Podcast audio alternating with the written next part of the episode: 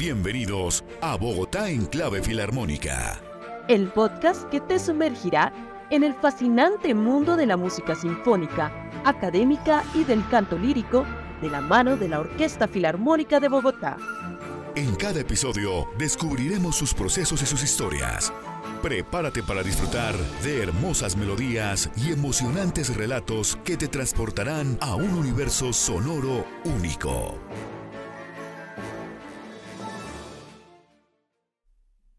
Hola, hola, soy Nini Johanna Sabogal. Bienvenidos a este que hemos llamado el episodio cero de Bogotá en clave filarmónica. Un proyecto que hace parte del programa distrital de estímulos del Instituto Distrital de las Artes y Dartes en conjunto con la Orquesta Filarmónica de Bogotá. En este capítulo descubriremos cómo surge este proyecto y vamos a conocer un poco de quienes hacen parte de la agrupación que lo lleva a cabo. Clásica Radio, Voces de la Ciudad. Bienvenidos y bienvenidas. Iniciemos hablando de cuál es el origen de Bogotá en clave filarmónica. Y para eso tenemos que empezar hablando de qué es el PDE o Programa Distrital de Estímulos. Este es un portafolio de convocatorias públicas que el IDARTES o el Instituto Distrital de las Artes lanza cada año con el objetivo de fortalecer y de reconocer a los artistas y a los agentes culturales de Bogotá. Lo hace por medio de un conjunto de oportunidades muy chéveres que incluyen becas, algunos premios, pasantías y residencias artísticas y que está diseñado especialmente para apoyar y para valorar a los artistas y a la comunidad gestora de arte y cultura de Bogotá, y que además cuenta con un banco de jurados que realiza todo ese proceso exhaustivo de evaluación de las propuestas que se presentan. Y es en este contexto precisamente donde entra en juego la agrupación Clásica Radio Voces de la Ciudad, quienes decidimos aprovechar esta oportunidad y presentar una propuesta en el marco de una de las convocatorias que se llamó Beca Filarmónica de Medios de Comunicación Comunitarios y Alternativos pero se estarán preguntando qué es Clásica Radio. Escuchémoslo en voz de su director. Clásica Radio es un medio online pertenece al registro que tiene el IDEPAC creado en el año 2005 con motivo de la apertura, la llegada del Internet y los procesos que abrieron un poco la radio con un acceso mucho más a la comunidad. Para nadie era un secreto que no era fácil llegar a las grandes cadenas radiales de Colombia de una persona que no tuviera una connotación muy, pero muy interesante presidente de una Junta de Acción Comunal, presidente de una organización, de una institución, de una instancia de participación. No era fácil que esos micrófonos se abrieran, sobre todo porque ya la parrilla de programación, hablo de los medios comerciales, estaba ya en un estado avanzado de entera disposición monetaria, es decir, todo giraba en función a la plata, todo era cómo usted podía adquirir un espacio para poder presentar sus conceptos, sus opiniones el resto no era fácil. Él es William Ricardo Sabogal, director de Clásica Radio y además uno de los promotores y el más apasionado gestor de la radio alternativa en Bogotá. Y como nos lo contaba, hoy en día la radio comunitaria es mucho más fácil gracias a las nuevas tecnologías. Antes era muy complicado conseguir todos los equipos y los sistemas necesarios para pensar en montar una radio comunitaria. Realmente no habían opciones y para nada existía algo como el streaming o el Internet y eso hacía que las opciones fueran realmente mínimas. Era o usar métodos más antiguos, como por ejemplo los autoparlantes del barrio, o transmitir en el espectro de la radio como lo hacían las emisoras comerciales. Pero eso tampoco era tan sencillo. Habían demasiadas restricciones de frecuencia. Eran muy pocos los elegidos.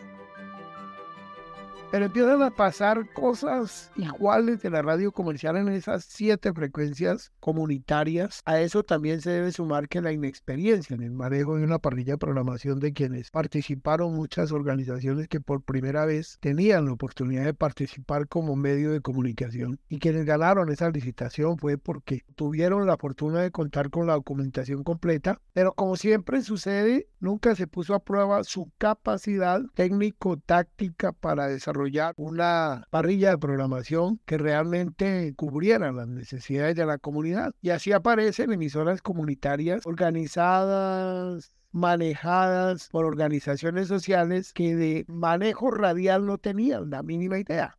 Es decir, no sabían que era una parrilla de programación, no sabían que era crear un contenido. Y esto hace que quienes tenemos cierta relación de tiempo atrás con la radio y que conocemos de verdad que es un proceso radial, y debido a la llegada, vuelvo e insisto, o mejor a la apertura del tema Internet, pues se ve la posibilidad de crear estos medios alternativos, no medios comunitarios, porque en Bogotá, vuelvo e insisto, solo hay siete emisoras comunitarias. El resto son medios online alternativos que tienen la alternativa actividad que le da el hecho de conocer qué es el manejo de una parrilla de programación, conocer las necesidades de una localidad y poner en práctica una parrilla que llegue a toda su comunidad. Y así pues empiezan a nacer emisoras online con cierta estructura, con cierto manejo y poco a poco se ha ido ganando la confianza de la comunidad, la confianza de la gente, ya que su programación permite el acercamiento entre la comunidad y sus medios alternativos. Y es que la radio comunitaria y alternativa es una poderosa herramienta. Ha permitido destacar problemas, denuncias, situaciones adversas y dar voz a distintas comunidades, a procesos deportivos, a procesos sociales, culturales. A través de esa radio comunitaria, cualquier persona puede participar y expresarse libremente, algo que no siempre es garantizado en los medios tradicionales o comerciales. Sobre todo porque realmente allí sí se, tiene claro qué es el concepto comunitario, se tiene claro qué es lo que la gente necesita en el tema de medios de comunicación alternativos y cómo se abre la posibilidad para que las diferentes organizaciones tengan el eh, recurso necesario de un medio de comunicación abierto. Así nace Clásica Radio, así se ha mantenido Clásica Radio con una parrilla de programación, con una creación de contenido interesante y por estos medios han pasado todo tipo de personalidades que han llenado la retina de las personas que creen en nuestros medios. Clásica Radio se mantiene vigente gracias a su parrilla de programación, insisto, gracias a su creación de contenido y de la apertura de esa parrilla a todas las necesidades que tiene la comunidad. Es un poco la historia de Clásica Radio. Nace después de que se abre la posibilidad de que el Internet tenga un avance importante en el tema de comunicaciones. Y es que como insistentemente lo refuerza William, actualmente y gracias al avance tecnológico, especialmente al uso del Internet, los medios alternativos contamos con diversas opciones para compartir contenido, las páginas, las plataformas donde se puede compartir la programación, ya sea por medio de streaming o de algo más sencillo, pero actualmente con mucha demanda, estas plataformas definitivamente nos han permitido además ser escuchados desde cualquier parte del mundo. Estas emisoras se han convertido en verdaderos tesoros de comunicación en medio de una era de globalización. Son espacios que conectan y enriquecen a las comunidades, que han brindado acceso a recursos vitales y que promueven la difusión de conocimientos no solo a nivel local la radio ha evolucionado, lógicamente. ¿Por qué? Porque el tema online permite una relación multicultural, es decir, la programación de clásica radio se escucha fácilmente con emisoras hermanas que hay en el globo terráqueo. Caso de recuerdosparaná.com.ar, una emisora que está ubicada en provincia de Entre Ríos, en Argentina, que retransmite la programación de de Clásica Radio, sobre todo los programas de alto contenido social. La otra es Radio Patios de Recreo, una emisora que funciona en España, en la isla de Lanzarote. Y así también tenemos audiencia en muchas partes del mundo. En Estados Unidos es mucha, en Centroamérica es mucha, en eh,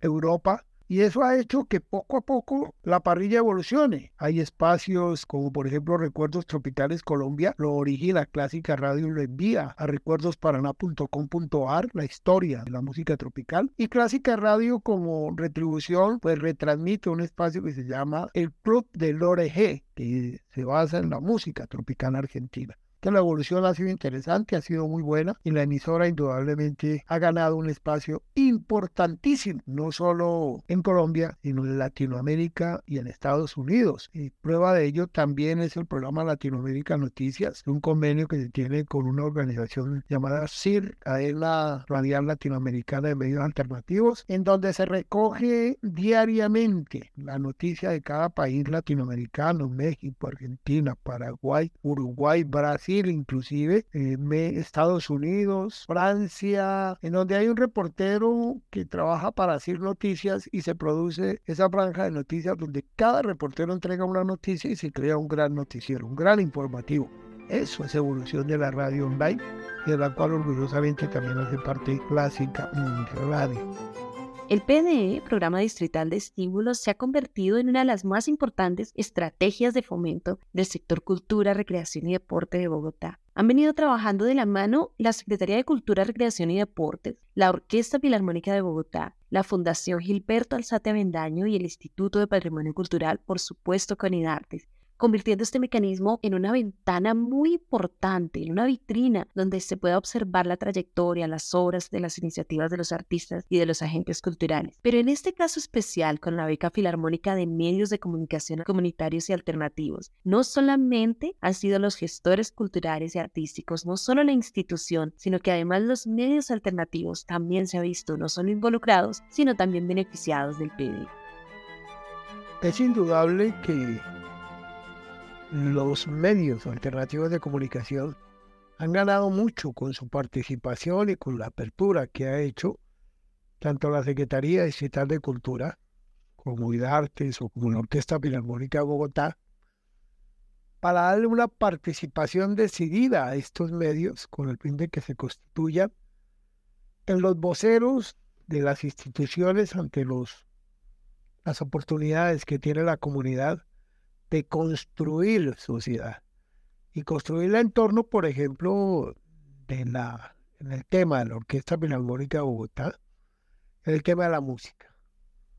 Para nadie es un secreto que hay que abrir espacios, sobre todo en el tema de la música clásica, y que se requiere necesariamente un proyecto de esta naturaleza para buscar la consolidación de esta música y pues acabar con esas barreras que no han permitido que esta música culta, como se le puede llamar, pues llegue a todos los estratos, llegue a todos los estados de la sociedad y que pueda permitir el avance de obras importantísimas y de autores importantísimos que por su olvido, digámoslo así, por parte de la sociedad, no han podido consolidar estos aspectos importantes de la música en la cultura general de la comunidad.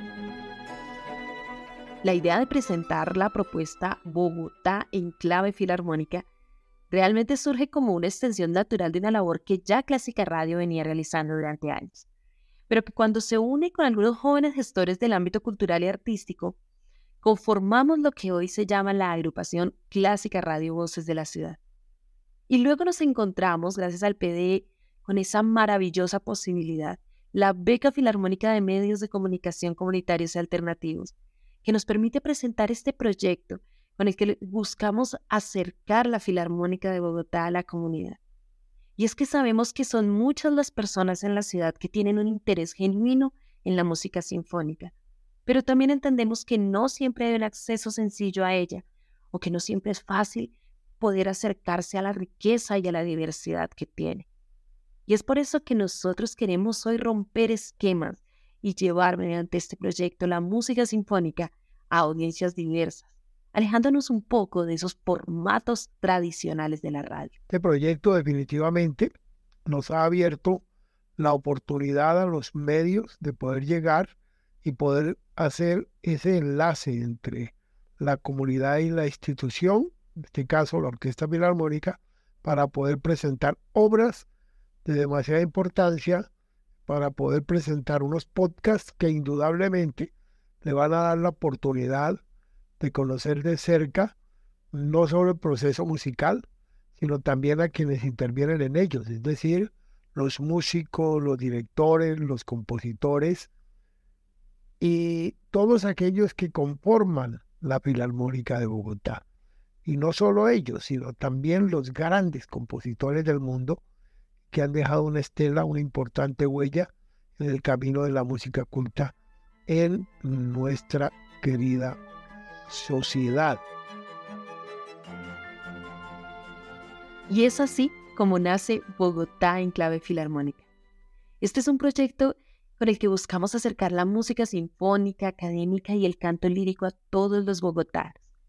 Nuestras expectativas son altas y queremos a través de cada episodio convertirnos en esa ventana a la música sinfónica, a la institución y también a las personas detrás de la Filarmónica de Bogotá. Definitivamente es una propuesta que promete emociones y conocimientos. Le agradecemos hoy al director de Clásica Radio por compartir su experiencia y su visión con nosotros. ¿Y ustedes están listos para sumergirse en las historias y melodías que nos esperan en cada episodio? Así que yo invito, así como lo decimos como medio que ha abierto la posibilidad de que los medios alternativos de comunicación tengamos otra visión, tengamos otra aceptación de parte de, de las comunidades.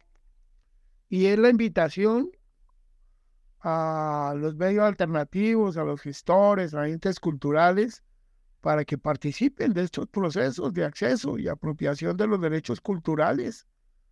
Hoy estamos eligiendo un nuevo Consejo Local de Cultura en cada una de las localidades de Bogotá.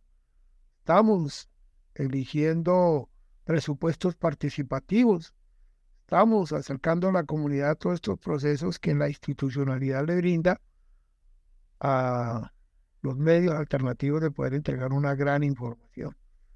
Y también la invitación a la comunidad para que estén, estén con la parrilla de programación de los medios alternativos y que conozcan todas estas historias, toda esta experiencia que adquiere la comunidad y que definitivamente pues, nos permiten tener espacios como Bogotá en clave filarmónica, un espacio que indudablemente va a marcar hito en la relación comunidad, institución, y todo eso se le debe a la Filarmónica de Bogotá. Indudablemente la Orquesta Filarmónica de Bogotá, que ya ha tenido la oportunidad de pasar por nuestra parrilla de programación, por nuestros espacios, pues indudablemente que le va a brindar nuevamente la oportunidad a la comunidad para hacer de esta comunidad la más contenta con los procesos de los medios alternativos. Los invitamos a Bogotá en clave filarmónica. Muchas gracias y esperamos que día a día se le brinde a los medios alternativos de comunicación todo el respaldo y el apoyo que bien lo merecen.